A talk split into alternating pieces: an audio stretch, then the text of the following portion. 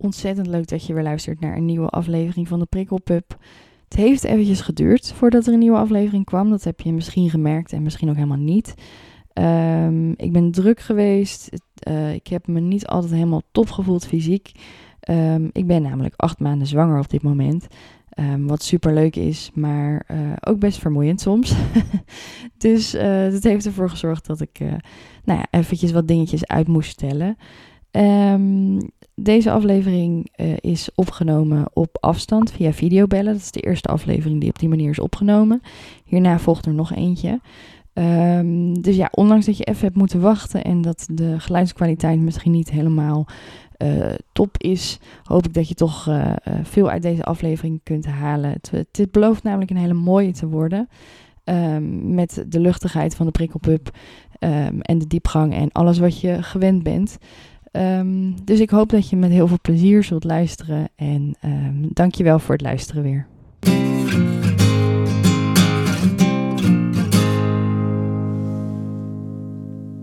Ik heb vandaag een hele, hele leuke aflevering. Um, want ik zit hier namelijk uh, uh, coronaproof uh, op afstand met Nienke. Hoi Nienke. Hallo. Hoi. en ja, ik vind het super leuk, want we gaan het vandaag ehm, hebben over een andere vorm van prikkels, namelijk fysieke prikkels onder andere. Um, want Nienke, ja, waar kennen mensen jou? Waar kunnen mensen jou van kennen? Ja, waar kunnen mensen van mij van kennen? Nou, um, ik ben Nienke Brouwer, dus misschien kennen mensen mij gewoon zo al van mijn naam. Um, maar um, op dit moment uh, uh, voer ik verschillende namen. En Up met Nienke en Up met Olie uh, zijn daar twee van. En in het verleden heb ik in, in Putten gewerkt bij een organisatie. En misschien kennen mensen me daar nog, nog van. Ja, dat, daar kennen wij elkaar ook van. Gisteren was ik al even aan het oefenen. En toen zei ik, Nienke is mijn oude paardentherapeut. Niet dat je, niet dat je oud bent. 36, dus uh, geef zelf een oordeel erover. ja. ja. ja. Maar, uh, ja, maar ik, ik heb paardentherapie uh, gevolgd bij jou. In, in Putten was dat nog. Ja. En daar was ik zo enthousiast over dat ik zoiets had van... Volgens mij is het ook best wel een onbekende vorm van therapie, denk ik, voor heel veel mensen. Um, misschien ook voor heel veel jongeren. Mm -hmm. Maar het heeft mij ontzettend geholpen. Dus ik had zoiets van, volgens mij is het mooi om daar een podcast over te maken. Ja. En uh, ja, misschien wel leuk om mee te beginnen hoe jij zelf daar eigenlijk bij bent gekomen. Ja. hoe ben je daarmee begonnen? hoe ben ik daar ooit mee begonnen? Uh, nou ja, in eerste uh, instantie was ik op een gegeven moment, heb ik gekozen rond mijn twintigste, vast denk ik iets ouder, om maatschappelijk werk te doen. Dus ergens zat dat hulpverlenersbloed uh, zat al in mij.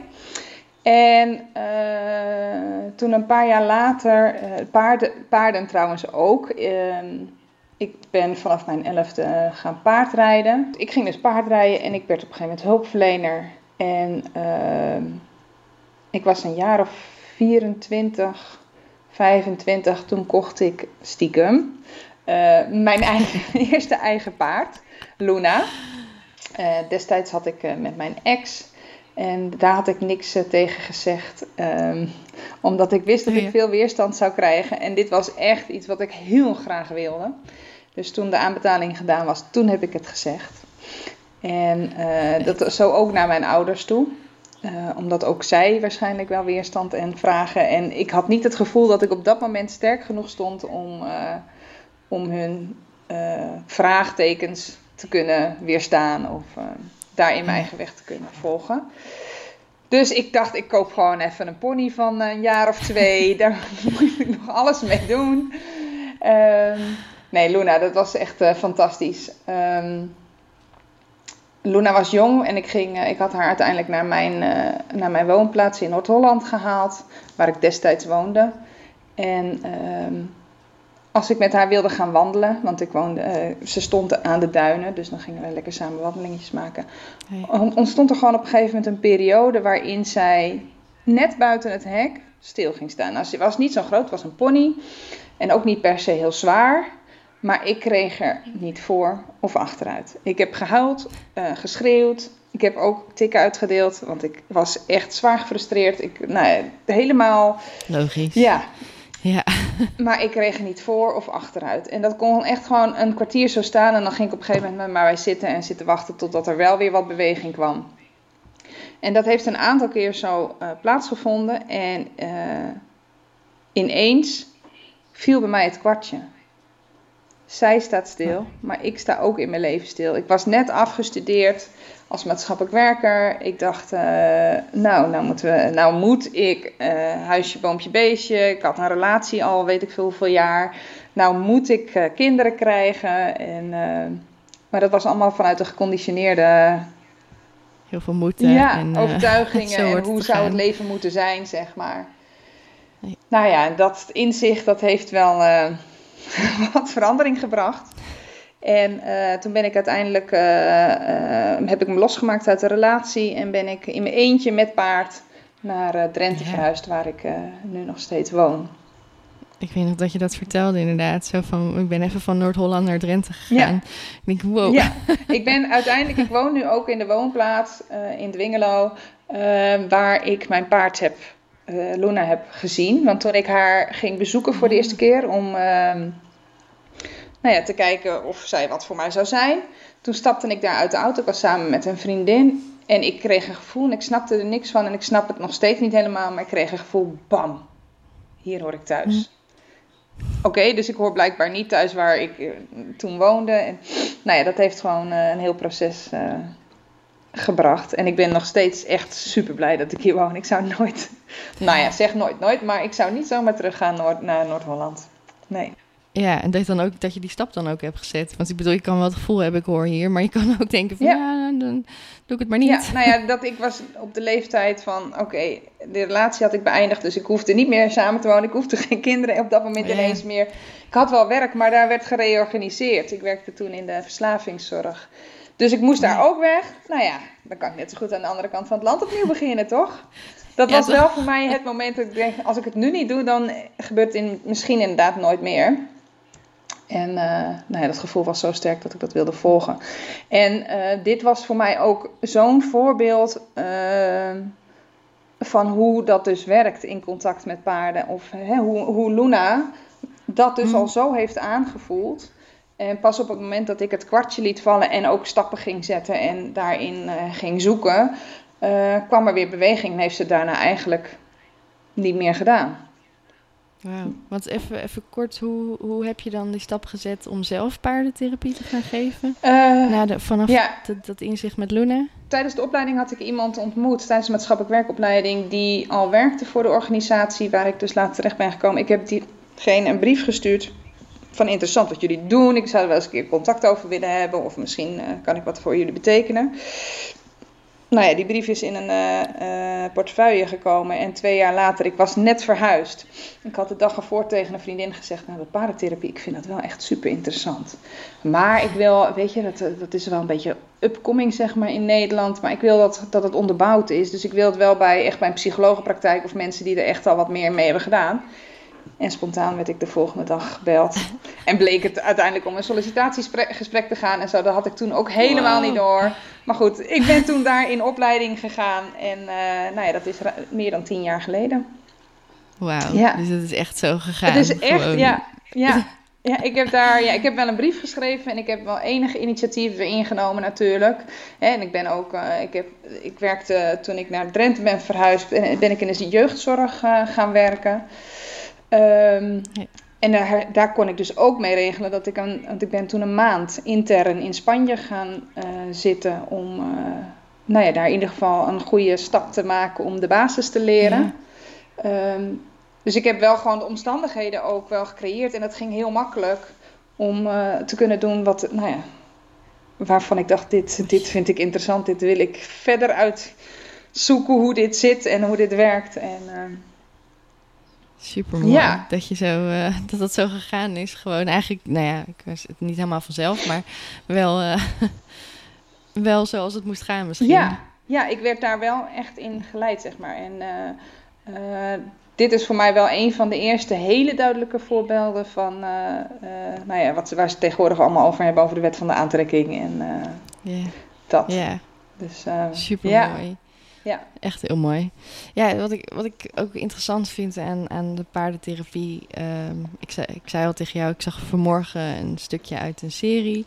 ehm 13 Reasons Why. En daar ging het over ehm, een jongen die paniekaanvallen had. Dat heb ik zelf ook gehad. Daar heb ik al eerder over verteld.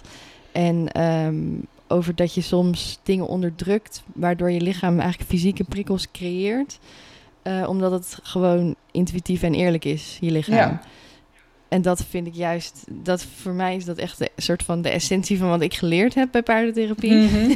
ja. Ik ben natuurlijk geen expert, maar, maar, maar dat is wat ik, wat ik zelf ervaren heb. ja. Maar ja, weet je misschien over de achtergrond van paardentherapie? Wat, wat, ja, wat, hoe, hoe werkt het? Hoe werkt het? Wat is het? Hoe werkt het? Ja, als we dat heel makkelijk kort door de bocht konden Wat doen die paarden samenvatten. Ehm, nou, weet je, een paard is een kuddedier.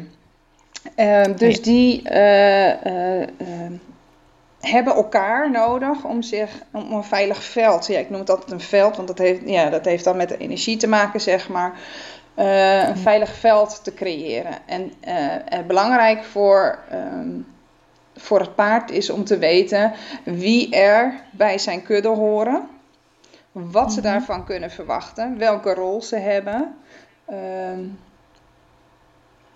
Nou ja, om, hè, als er gevaar dreigt of wat dan ook, ze moeten weten wie ze moeten volgen of hè, welke de zwakken eh, in de kudde zijn, of ze die mee kunnen nemen of dat ze die dan moeten loslaten. Ehm, en dat is, dat is gewoon wat een paard altijd doet. Dat, dat staat niet aan of uit, dat is. Dat, dat is het Dat is paard. eigenlijk heel... En ehm, ehm, als wij dus in die kudde komen of bij een paard, hè, al is het maar één paard, dan vorm je met z'n tweeën opnieuw een kudde. Hm. En opnieuw gaat het paard kijken, hé, hey, wat heb ik aan jou?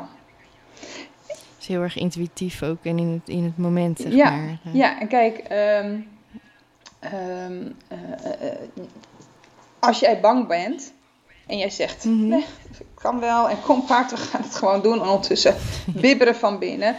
Dan klopt je binnen- en je buitenkant niet met elkaar. Ja. En dan, En dat paard voelt het paard dat. voelt dat. Ja, want die heeft, die heeft al lang al, toen je aankwam lopen, heeft hij al gezien hoe de vlag eh, erbij hing. Maar als jij je dus heel anders gaat gedragen en acteren als dat je van binnen bent. En soms ben je daar niet bewust van, hè? Dat, maar dat geeft ook niet. Ja. Ehm, maar daar krijg je wel reactie op. En welke Precies. reactie, dat, is niet, eh, dat kan ik niet zeggen van tevoren, want dat is per paard per moment verschillend. Maar daar gaat wat Ja. gebeuren. Is niet zo standaard van jij, eh, eh, je moet eigenlijk huilen, maar je huilt niet. Dus dan gaat het paard eh, tegen je aan hangen Nee. of duwen. Of, Nee. het kan elke keer anders Dat zijn. kan helemaal, ja, daar kan ik, ja, kan je 10 miljoen voorbeelden van geven. Maar ik denk niet dat dat per se van belang is ook. Want dat is, dat vind ik aan, aan hè, degene, de coach of de behandelaar die erbij staat of de therapeut.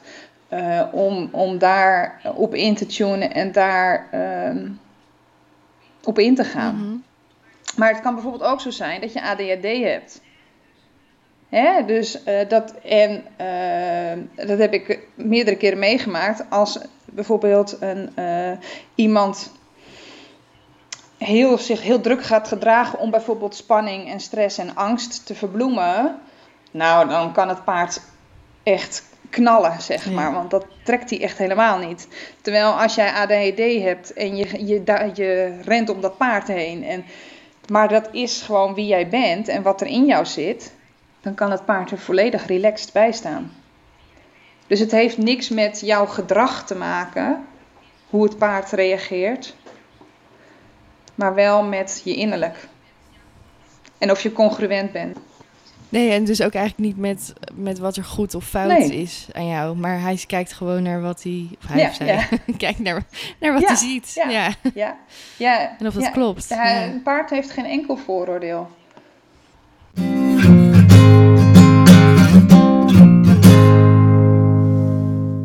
En met wat voor dingen komen mensen eh, bij jou? Want dat is natuurlijk wel anders. Nu werk je veel met kinderen en, en Ja, jongeren. op- dit moment richt ik me vooral op jeugdigen.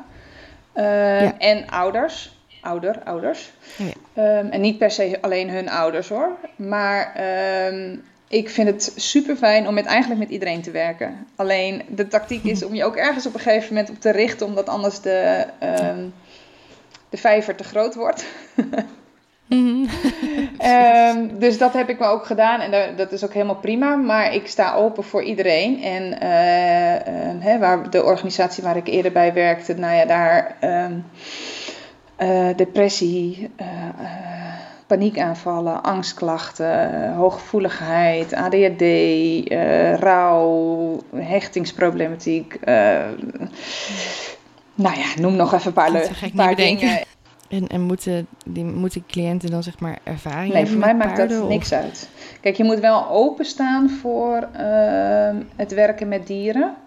Uh, maar je mag best ook zelfs een beetje bang zijn.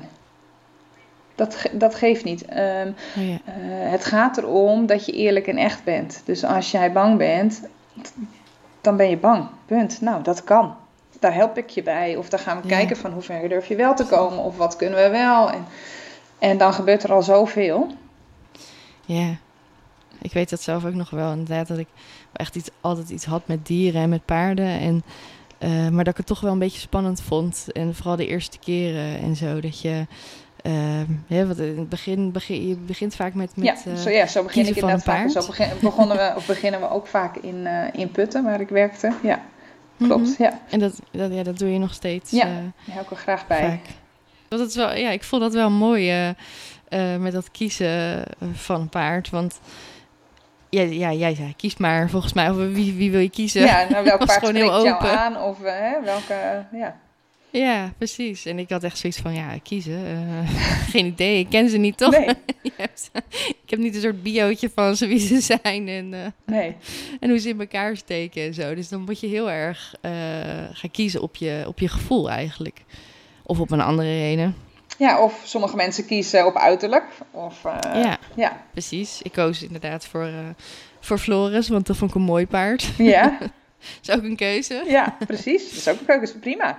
Ja, maar wat zegt zo, ja, wat zegt zo'n keuze? Wat zie je daaraan? Um, nou ja, dan, kijk, uh, het belangrijk is dat ik ten eerste al de paarden ken, hè? Dus dat ik mm-hmm. weet dat, wie Floris in dit geval is. Dat is een haflinger. Een best ja. wel stoute uh, haflinger met een mening. Maar ook heel clownesk. En hij kan ja. ontzettend lief zijn. Uh, hè, dus dat zit allemaal in hem. Uh, dus dat heb ik al in mijn achterhoofd. En jij koos Floris omdat je hem mooi vond. Nou, helemaal prima. Wat vind je dan mooi? En uh, hè, hoe kies je dan? Kies je vaker op uiterlijk in het dagelijks leven ook? Uh, ja. is, is dat belangrijk voor je of is dat eigenlijk helemaal niet belangrijk? En hè, uh, uh, ik weet niet, weet jij nog of je, dat is echt al een paar jaar geleden, dus ik weet het niet meer, of jij op afstand hebt aangewezen of ben jij wel ja. naar de paarden gegaan? In eerste instantie was het op afstand. Um, ja, ik weet, en toen had ik echt totaal geen idee welke ik moest kiezen. En volgens mij zei jij toen van, uh, nou, wat, weet je, wat zou helpen? Ga, ga er eens naartoe. Um, toen ben ik dichterbij gegaan. Toen had ik nog niet echt een idee. Mm-hmm. Merkte wel, er was toen Bazaar, een witte... Arabier. Arabier, ja. ja. en uh, uh, die vond ik nogal zenuwachtig overkomen. Een beetje, die begon meteen uh, een beetje weg te gaan en een beetje rond te rennen. En ik dacht van, daar krijg ik een beetje een soort zenuw, zenuwachtig gevoel van. Ja. Dus die was het al heel snel niet. En er was ook eentje die kwam dan nog wel weer heel sterk over. En dacht ik, nou, dat, dat voelt ook niet fijn. Ik, ik bezoek een soort veilig rustig, uh, rustig paard. rustig paard. ja. ja. Little did I know dat Floris ja. de meest eigenwijze van allemaal was. De meest eigenwijze en, en nou in eerste instantie ook een hele heftige voor jou. Uh... Ja, ik kan het zeggen. Dat, ja. uh, dat was een mooi lesje grenzen aangeven. Ja. ja, precies. Nou ja, kijk, en in dit geval was het heel mooi, omdat het voor jou allemaal nog heel spannend was en je stond nog best wel ver van jezelf af. Hè? De, de, de, de kloof tussen uh, wie jij was van binnen en hoe jij je presteerde of hoe je de dingen in het leven hebt geleerd. Mm stonden nog ver uit elkaar. Dus de eerste sessies, weet ik nog, hebben wij eigenlijk heel simpel lopend door het bos. Jij op Floris, ik Floris vasthoudend. En gewoon maar het gevoel gaan volgen. En jij zei net inderdaad, je fysieke, uh, je fysieke lichaam is een, is een uh, hoe noemde je dat ook alweer? een, een raadgever of een, voor je Ja. intuïtie. Ja, precies. Je, je fysiek, eh, ja, je lichaam is eerlijk en intuïtief en geeft daardoor fysieke prikkels omdat je zelf je geest iets onderdrukt, bijvoorbeeld. Ja, ja. Dat, eh, Kijk, en dat kan in, in, in, in zoveel opzichten zo sterk zijn dat er ook eh, moeilijk contact te maken is met jouw binnenste. ja, En is het heel fijn als je eerst in die ontspanning meer kan zakken. Waardoor er automatisch al wat opening ontstaat. Je voelt je ook veiliger en vertrouwder. Je bent letterlijk even een stukje door het leven gedragen. Je hoeft er even zelf niet te lopen met jouw eh, problemen. precies. Maar daardoor zak je ook al wat meer in je lichaam. Ja. Waardoor eh, hè, we zijn later hebben we meer ehm grenzenoefeningen en voeloefeningen vanaf de grond gedaan. Waardoor je al veel meer in je buik en in je, ja, daar, daar zit voor mij de raadgever. Ja, ja. Al veel meer in je buik kon zakken en kon voelen wat dat met jou deed. En hè, als een paard er dichtbij kwam, dat je uh, zelf in jezelf, in je spanning omhoog ging, je ademhaling korter werd. Nou ja, en oké, hoe kan je dat dan weer laten zakken? Nou ja, zo. ehm, Ja, want dat is natuurlijk. Ik hoor dat wel vaker. Mensen die het hebben over grenzen aangeven. En ik wil mijn grenzen aangeven. Ja, maar hoe doe ik dat dan?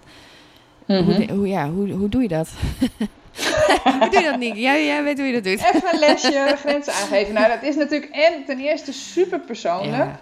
Ook vanaf hoe ver moet je komen. En eh, hè, sommige mensen die hebben dat al heel duidelijk. Sommige mensen die weten dat die grens er ligt. Ja. Maar die is zo geleerd om daar overheen te gaan. Dus eerst een stukje bewustwording en, en puur voelen van het fysieke. Het lichamelijke bij jezelf. Hé, hey, wat gebeurt er als, eh, als dat paard een stapje dichterbij doet? Of als hij ineens zo hard voorbij komt lopen. Of in één keer met zijn neus bovenop mij staat. Of eh, dat. En daar, daarna is het voelen, oké, maar waar tot waar is het oké voor mij? Mm. En ehm, ja, wat ik eigenlijk als rode draad in bijna alle, alle eh, ik noem het even trajecten of sessies zie, ehm, is dat er eerst moet je erkennen waar je staat en wat er is.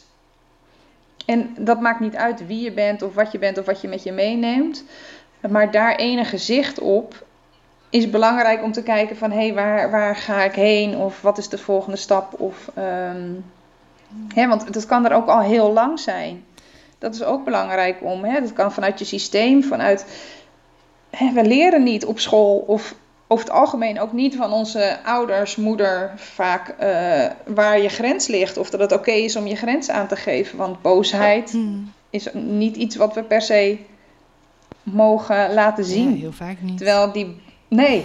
En die boosheid, nou ja, je weet het zelf, is ook nodig om die kracht neer te kunnen zetten. En je hebt niet boosheid nodig om je grens aan te kunnen geven, maar wel de kracht van boosheid om dat te kunnen. Precies. Ja, ja, dat is echt zo. En, en als je het hebt over systeem, dan bedoel je familie of eh, school Ja. of... Ja. Dat bedoel Ja. je? Ja. Ja, sorry. Ja, dat is voor mij heel goed dat je het vraagt. Ja, dat is voor mij heel normaal. maar- Nee, uiteraard niet. Dat snap ik. Eh, maar goed dat je het even vraagt inderdaad. Nee, dat gaat inderdaad over, over je gezin van herkomst. Ehm, hè, hoe, hoe dat is gegaan.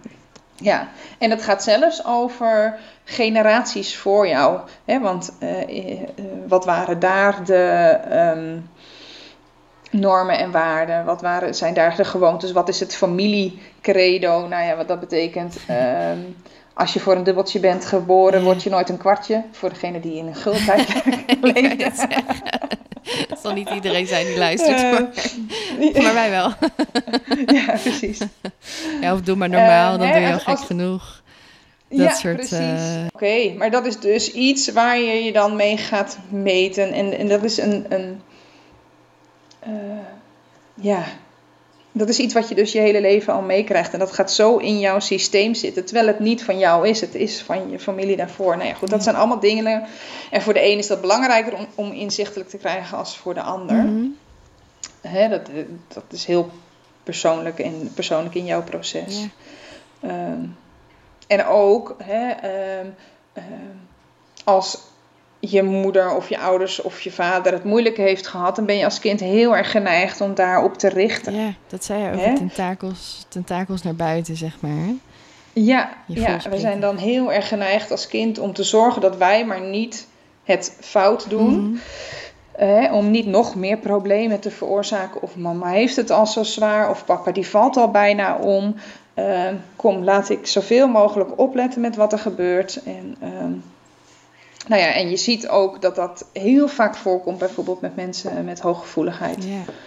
Die heel erg naar buiten gericht zijn en heel weinig op zichzelf eh, gericht. En dan is het dus ook veel lastiger om eh, die grenzen aan te geven, omdat je letterlijk niet voelt waar die grens is.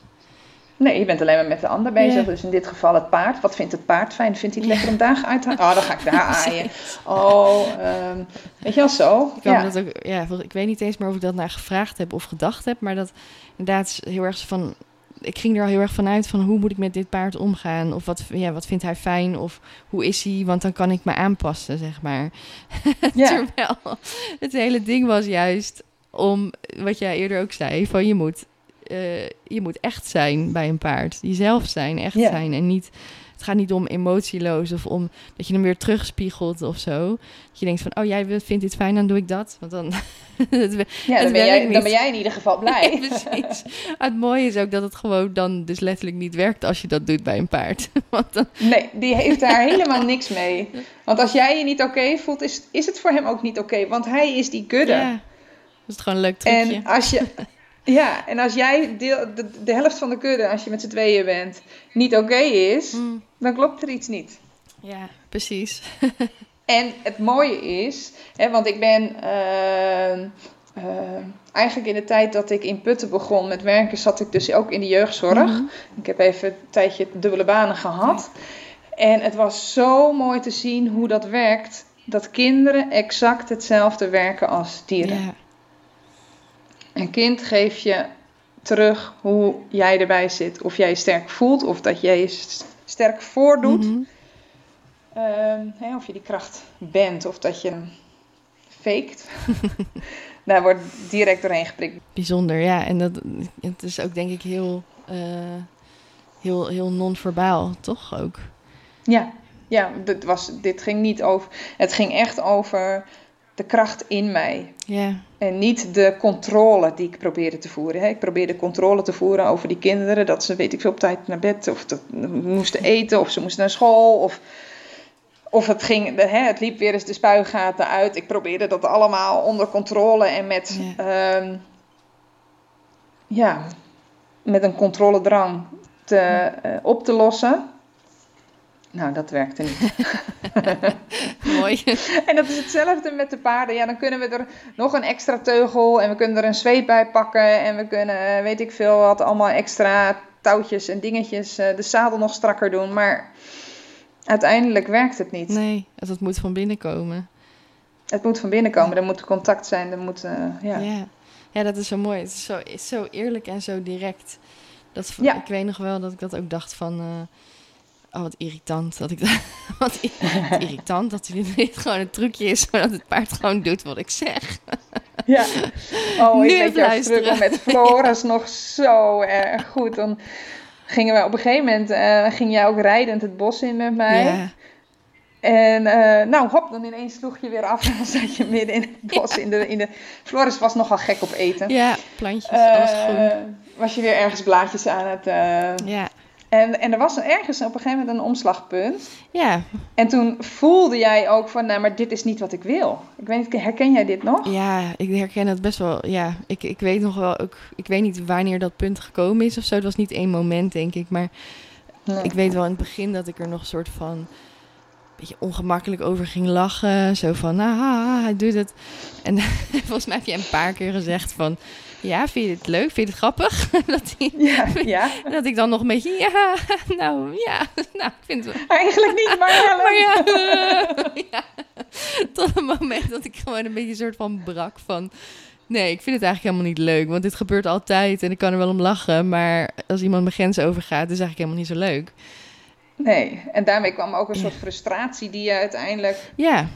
Of boosheid, Die- ja. waardoor je die kracht kon voelen van binnen. Precies, ja, wat wel echt onwijs geholpen heeft. Want ik dacht dan ook zo van, oh, dan word ik boos, maar dan word ik echt heel boos. En dan wordt het een soort lawine en dan ga ik meteen helemaal agressief worden of zo. Dat was het helemaal niet, want boosheid was zo ver weg voor mij.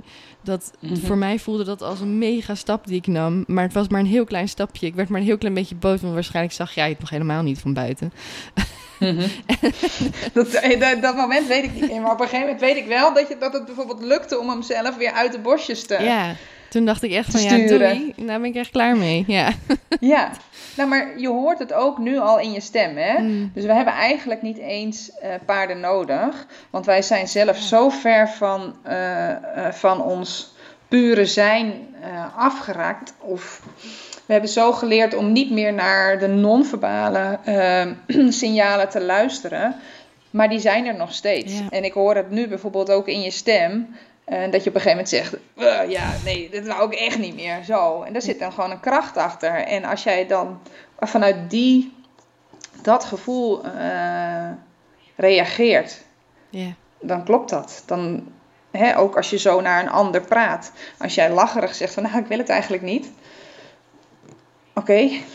ik weet het niet. Je vindt het wel grappig inderdaad. Mhm. Eh, of als je zegt, nee, ik wil het, ik wil het niet. Klaar. Precies. Dit, dit ga ik niet doen. Ja, het komt over. Dan zit daar een heel... Ja, Ja, ja, zonder dat je daar boos voor hoeft, echt of boos hoeft te zijn. Ja. Of agressief. ja. En daar zitten allemaal gradaties. eh,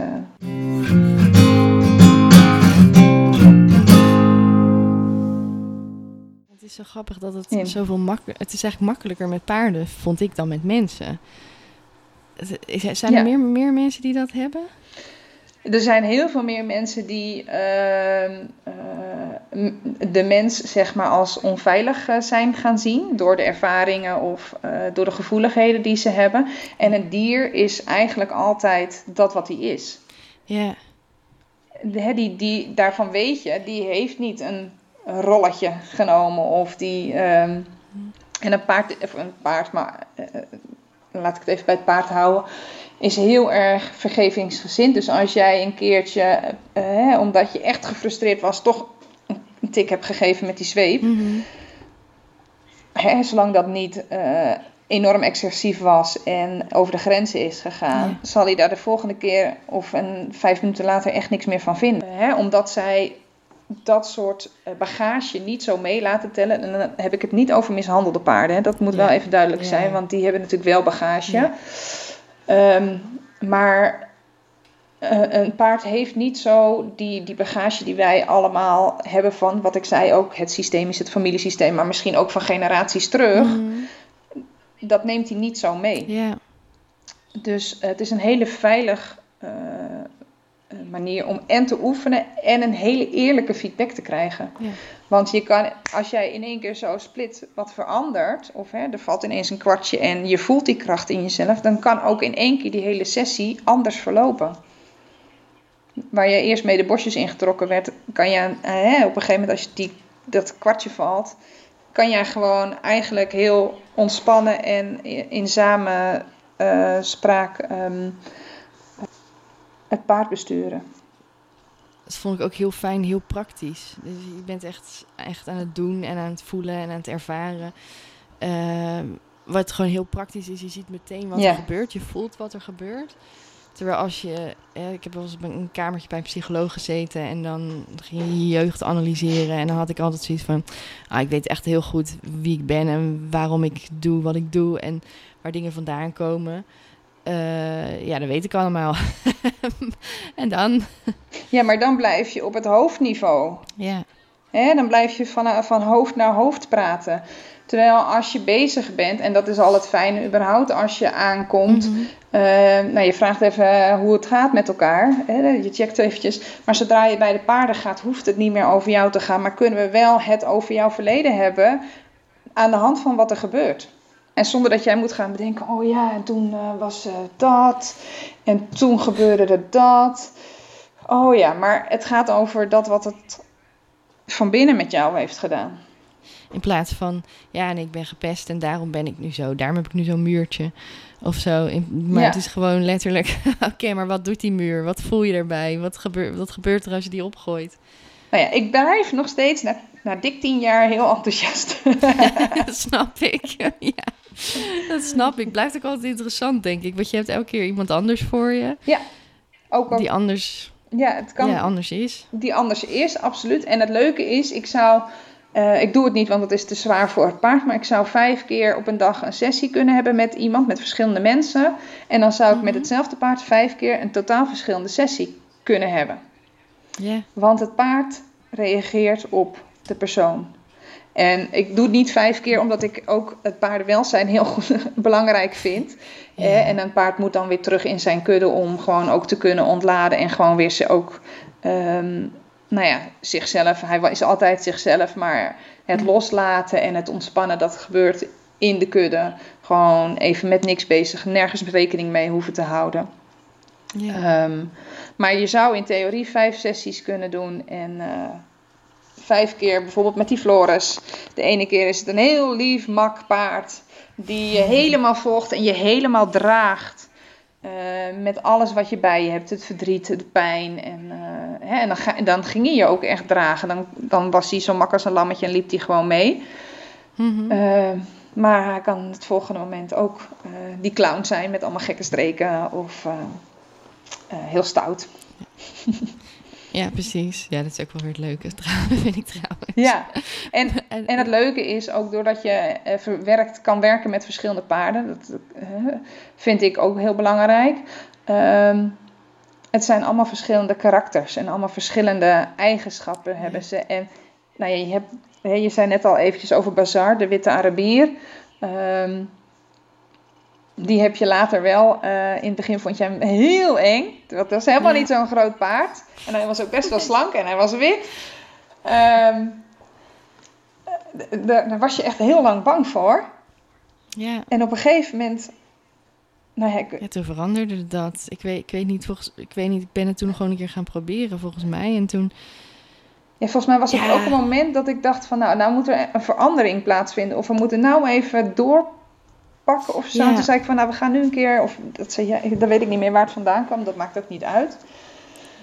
nee, maar ik herinner me dat nog wel inderdaad. En ik, ik herinner me ook nog dat jij zei van, of dat het heel, dat zenuwachtige van wat ik eerst voelde bij hem Mhm. was, bleek ook een soort luchtigheid te zijn. En een soort lichtheid Ja. en een soort... Dat was het. Eh, ja. en toen, ja, en toen zei hij, maar moet het leven dan altijd zo zwaar zijn? Toen zei ik, nou ja, mijn leven is wel best wel zwaar, want ik heb dit en dit en dat en chronische aandoening. En jij zei, nou, ik ervaar het leven niet als, als per se heel zwaar of zo. Dus mag het niet ook wat luchtiger zijn? Dan dacht ik, ja, dag, luchtiger. Wat nou luchtig? Ja. Leuk en luchtig. en dat heb ik, ja, dat heb ik toen echt geleerd. Dat is bij mij toen echt, heeft echt heel veel veranderd, bijvoorbeeld. Ja, en dat was ook doordat je ook op Bazaar bent gaan zitten. En zijn, zijn, hoe noem je dat? Zijn lopen, zijn manier van lopen was al zo anders. Het was als, daar lijkt het net alsof je net even een klein stukje boven de aarde eh, zweeft. Terwijl Floris, dat is een haflinger, die zet stevig zijn hoeven neer, weet je wel. Dan voel je je heel erg geaard. En voel je heel stevig de grond. En bij Bazaar was dat veel, eh, nou, een beetje meer dansend, een beetje meer, iets frivoler. beetje lol erin. En dat is, ja, ik, ik, ik zie dat vaker bij cliënten, dat je dan ziet dat ze een ander paard kiezen of dat jij kiest voor een ander paard en dat er, omdat dat dan meer aansluit bij Ja, dus soms gebeurt dat eh, per ongeluk, dat er een ander paard, eh, of een paard dient zich heel erg aan. Dat Ja. kan ook. Hè, dat hij heel erg vooraan komt staan en, en al meteen iets aan het doen is. Ja, ja mij moet je hebben vandaag. Mij. Ja, maar dat gebeurt echt. En, en daar moet je, ja, daar vind ik dan, daar moet je niet aan voorbij gaan. En, eh, want dan heeft, heeft dat paard iets te brengen. Ja, En, ehm, ja, maar dat kan dus door inderdaad zelfbewust een ander paard te kiezen of doordat eh, de therapeut-coach eh, dat doet. Ehm, maar je ziet inderdaad door een ander paard komt er ook weer iets anders in jouzelf naar boven. Wordt er iets anders aangeraakt. En ehm, nee, dat, dat is het, het spiegelen gaat wat mij betreft altijd twee kanten op. Hè, Mm. Een paard spiegelt tussen aanhalingstekens iets van jou, maar ehm, in jou wordt er ook iets gespiegeld van het paard. En wat jou aangeraakt wordt of wat jou ergens aan herinnert of ehm, wat je moeilijk vindt of juist heel leuk vindt.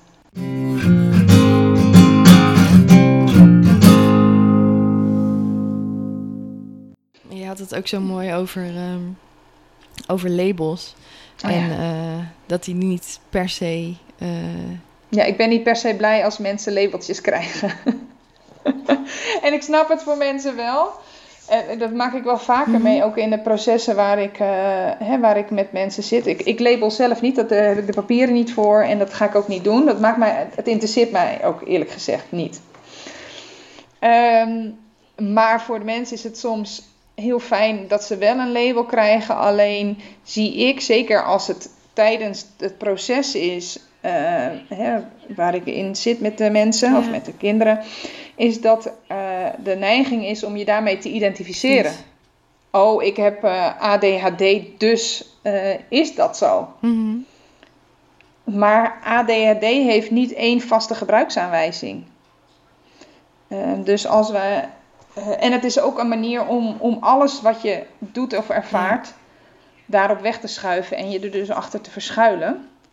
Waardoor die echtheid niet meer tot stand komt. Die daar voel ik dan juist meer afstand toe. En eh, mij gaat het erom dat, dat jij je eigen gebruiksaanwijzing leert kennen. En jouw eigen gebruiksaanwijzing, er zal misschien een facetje inderdaad van ADHD, maar jij bent ADHD niet. Of je bent niet HSP. Het is een stukje van jou. Je hebt die tentakels, die hè, gerichtheid naar buiten. En ehm, dat kan verklaren Ja. waardoor je voelt en doet wat je doet, maar je bent het niet. En het is zo belangrijk om dat te leren kennen, wat je dan nodig hebt om eh, bij jezelf te zijn en wat je nodig hebt in bepaalde situaties. Ja, dat is juist de kracht ervan, denk ik ook, van de hele paardentherapie. Dat je, dat je gewoon loskomt van dat label, of je dat nou hebt of niet. Ja, Dat je echt heel erg leert kennen wie jij bent en wat je nodig hebt. Ja. En eh, dat het daar dan niet meer om gaat eigenlijk. ja, En ik, ik weet nog wel dat ik me daar echt min, veel minder in herkende in de, de zittende in een kamertje sessies. En eh, oh ja, dan nee, we, het valt een beetje onder dit en dit valt onder dat labeltje. Dat ik dan dacht van ja, eh, wat heb je nou aan? ja, ja, je kan er niks mee. nee, is leuk. Nee, je kan je nog meer op internet inlezen en eh, zeggen: Oh ja, oh ja, maar daarom doe ik dus dat. Oh, en dan is het dus, ook, Ja. dan is het dus oké. Ook al voel Ja. je je er zelf misschien niet oké bij. Precies. Ja, Want het hoort ook, erbij. ook met... Sorry, wat zei je? Nee, want het, want het hoort bij dat label, dus dat is dan oké. Ja, dus dat is zo, ja, zo ben, zo ben ik gewoon, krijg je dan. Ja, maar zo ben ik gewoon. Ja, precies. Nou, neem het maar. Ja. Ja, precies. ja, en ik, ik ervaar dat ook zeg maar met eh, zeg maar angststoornis of zo. Dat je dan Mhm. dat label hebt en dat vond ik dan heel prettig. En aan de andere kant kan je daar ook hè, herkenning in vinden bij anderen. En misschien eh, als je geluk hebt, anderen inspireren door hoe je ermee omgaat. Maar ehm, hoe meer ik het noem, hoe meer ik ook bijvoorbeeld merk dat ik denk, ja, maar ben ik eigenlijk wel, heb ik wel een angststoornis? Ik ben af en toe, heb ik nog wel lichtelijke, lichtelijke angstgevoelens. Maar Mhm. heb je dan meteen een angststoornis bijvoorbeeld? Dat vond ik zo. eh, Nou ja, ja, als- je hebt dat label en dan hou je dat of zo. Het, het, hè, en ik wil, ik wil even, dat geldt voor de hele podcast of alles wat ik daarin zeg. Ik eh, probeer niet iemand daarin te niet te doen, want ik geloof echt dat je Nee. dingen ervaart zoals je dat op dit moment ervaart. Precies. Maar wat ik zie bij angststoornissen, angstklachten, is dat ehm, er zo'n verkramping ontstaan is, op welk vlak dan ook, Mhm. dat de enige weg eruit angst is. Ja, En, ehm, want die, die angst of die paniekaanval, die zorgt ervoor dat je ergens mee stopt. Of dat er hè, een proces wat in gang is, dat je daar helemaal van losraakt of Mm. juist helemaal in vastzit. Ik weet niet hoe je dat Ja. dan moet noemen, hoe je dat ervaart. Maar, ehm, en ehm, nou, eigenlijk is dat het, eh, die quote die je net aanhaalde over eh, eh, lichamelijke, fysieke prikkels, Mhm. die intuïtief zijn, die eigenlijk komen omdat je iets onderdrukt. Dat is precies die angst. precies. Dus als je dat kan achterhalen, waar die angst voor zit en wat je kan doen om hè, eh, dat weer af te laten vloeien. Ik werk heel graag bijvoorbeeld met een EHBO-lijst. Eerste hulp bij Ja. onrust. Oh ja. Ehm, Hè, en daar kan je minstens vijf, die heb ik ook weer van iemand anders geleerd jaren terug. En ehm, eh, je kan daar minstens 50 dingen op zetten. Heel klein, een kopje koffie zetten of even naar de wc gaan of wat dan ook. Waardoor je even kan ademhalen en tot rust kan komen. Tot grotere dingen als bewijs van naar de sauna gaan, een rondje fietsen. Dat kan, het kan natuurlijk niet op elk moment uh, waar je je bevindt. Maar er is wel altijd iets te vinden uh, wat je in klein uh, kan helpen. Hè, en, en, voor mij zijn dat bijvoorbeeld de, de oliën, of, dat vind ik, vind ik fantastisch. Maar zo heeft iedereen zijn eigen, eigen dingetje daarin. En dat is ook, ook wel een beetje voor als je, hè, stel je hebt geen paardentherapie of je bent er al mee klaar. Inderdaad, zo van wat kan je dan thuis doen? Ja. Uh, nou ja, dit, en dit kan, kan je tijdens het proces juist ook heel goed meenemen. Hè, want ik kan je helaas geen paard mee naar huis ge geven. Uh, maar we kunnen wel heel veel. Jammer. Ja, jammer. Ja. ik weet niet of jij een mooi balkon of een mooi tuintje hebt waar die in kan. maar uh, nee, juist ook tijdens het proces hebben we het ook wel over situaties waarin je tegen bent gekomen en waarbij je het, het gevoel herkent. En, ja. um, hè, en die EHBO-lijst kan je meenemen om echt te oefenen van oké, ik mag weer pff, tot rust komen, even bij mezelf komen. Maar ook de situaties die je meemaakt, die zijn heel belangrijk om uh, uh, nou ja, weer terug te koppelen en te kijken van uh, wat daarin gebeurd is en hoe je hebt gehandeld. Is dat ook hoe mensen zeg maar de stap maken van de paarden naar de naar de, nou ja, de echte wereld, maar ja. weer, weer van het, het oefenen met paarden, wat natuurlijk heel, heel praktisch is, duidelijk, helder. Je ziet meteen wat er gebeurt, maar dan denk je van oké, okay, nou heb ik dat paard een grens gegeven, dat lukte. Hoe ga ik dat nu doen aan, uh, aan een vervelende ouder of aan uh, iemand anders? Ja, ouders zijn dan wel meteen een van de moeilijkste, omdat je daar okay. al zo'n lange geschiedenis mee hebt, ja. dat daarin iets heel anders doen uh, best heel moeilijk is. Het is absoluut mogelijk, maar dat is niet per se een van de eerste oefenobjecten die ik zou kiezen. Nee. um, um, want je ziet gewoon in, in de loop van de tijd, en zeker als je het over jaren bekijkt en je gewoon je eigen proces volgt en uh, jezelf steeds sterker wordt, gaan ook de contacten naar ouders makkelijker of kan je daar beter je grenzen aan geven. Maar de, het gaat eigenlijk over de gevoelens en de beleving. En hoe je dat dan mee kan nemen naar uh, mensen. En vaak is het dan fijn om te oefenen met mensen die niet per se heel dichtbij staan. Hè, dat je dan met, met meer met mensen die iets verder staan oefent. Of met je partner die heel dichtbij staat, maar waarbij je ook heel open bent. Hè, dus waarbij je zegt, joh, weet je, mm-hmm. het kan zijn dat ik ineens een keer zo ga reageren. Vat dat niet per se persoonlijk op, yeah. want ik ben aan het oefenen of... Uh, en je ziet dan vaak wat daarin uh, in gebeurt. Dat gaat eigenlijk vanzelf.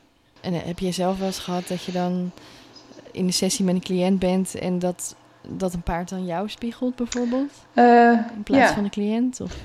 Ja, dat kan inderdaad uh, gebeuren. Of dat een paard heel dicht bij mij komt staan, omdat ik dan op dat moment ook even niet met mijn aandacht bij ben. Of, en wat ik dan doe als ik zie dat dat gebeurt, is neem ik afstand. Ik probeer ook, uh, en zeker veiligheid gaat voorop.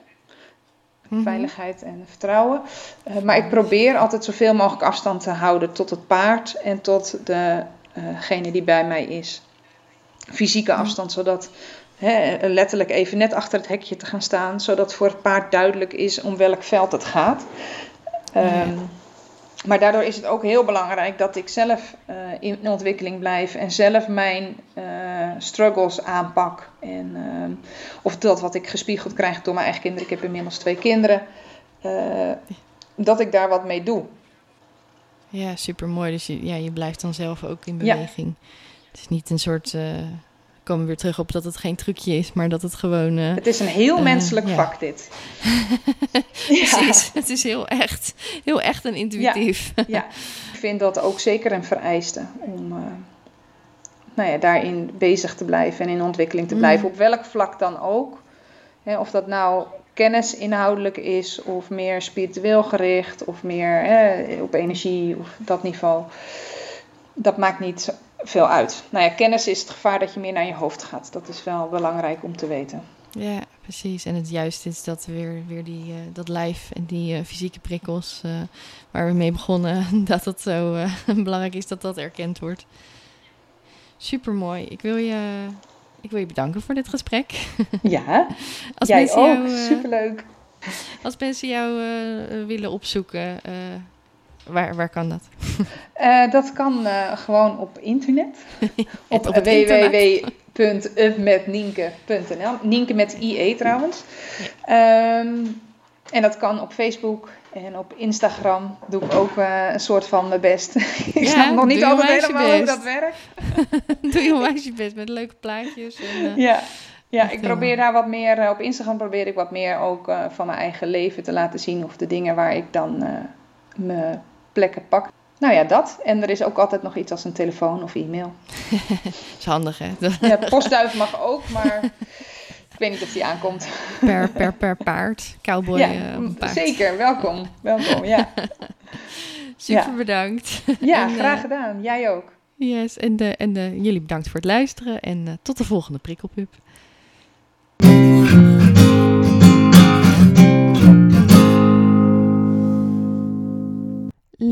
Luisteraar, dan wil ik jou tot slot nog eventjes heel erg bedanken voor het luisteren naar deze aflevering van de Prikkelpub podcast. Ik hoop dat je er veel uit hebt gehaald, dat je het leuk vond en um, dat je hopelijk een volgende keer weer zult luisteren. Draag je nou deze podcast een warm hart toe, dan zou het super fijn zijn als het mogelijk is voor jou om misschien een kleine bijdrage te leveren. Dit doe je via Petje Af, petje.af. Um, en daarmee maak je het mogelijk dat ik mijn gasten gewoon een eerlijke vergoeding kan bieden.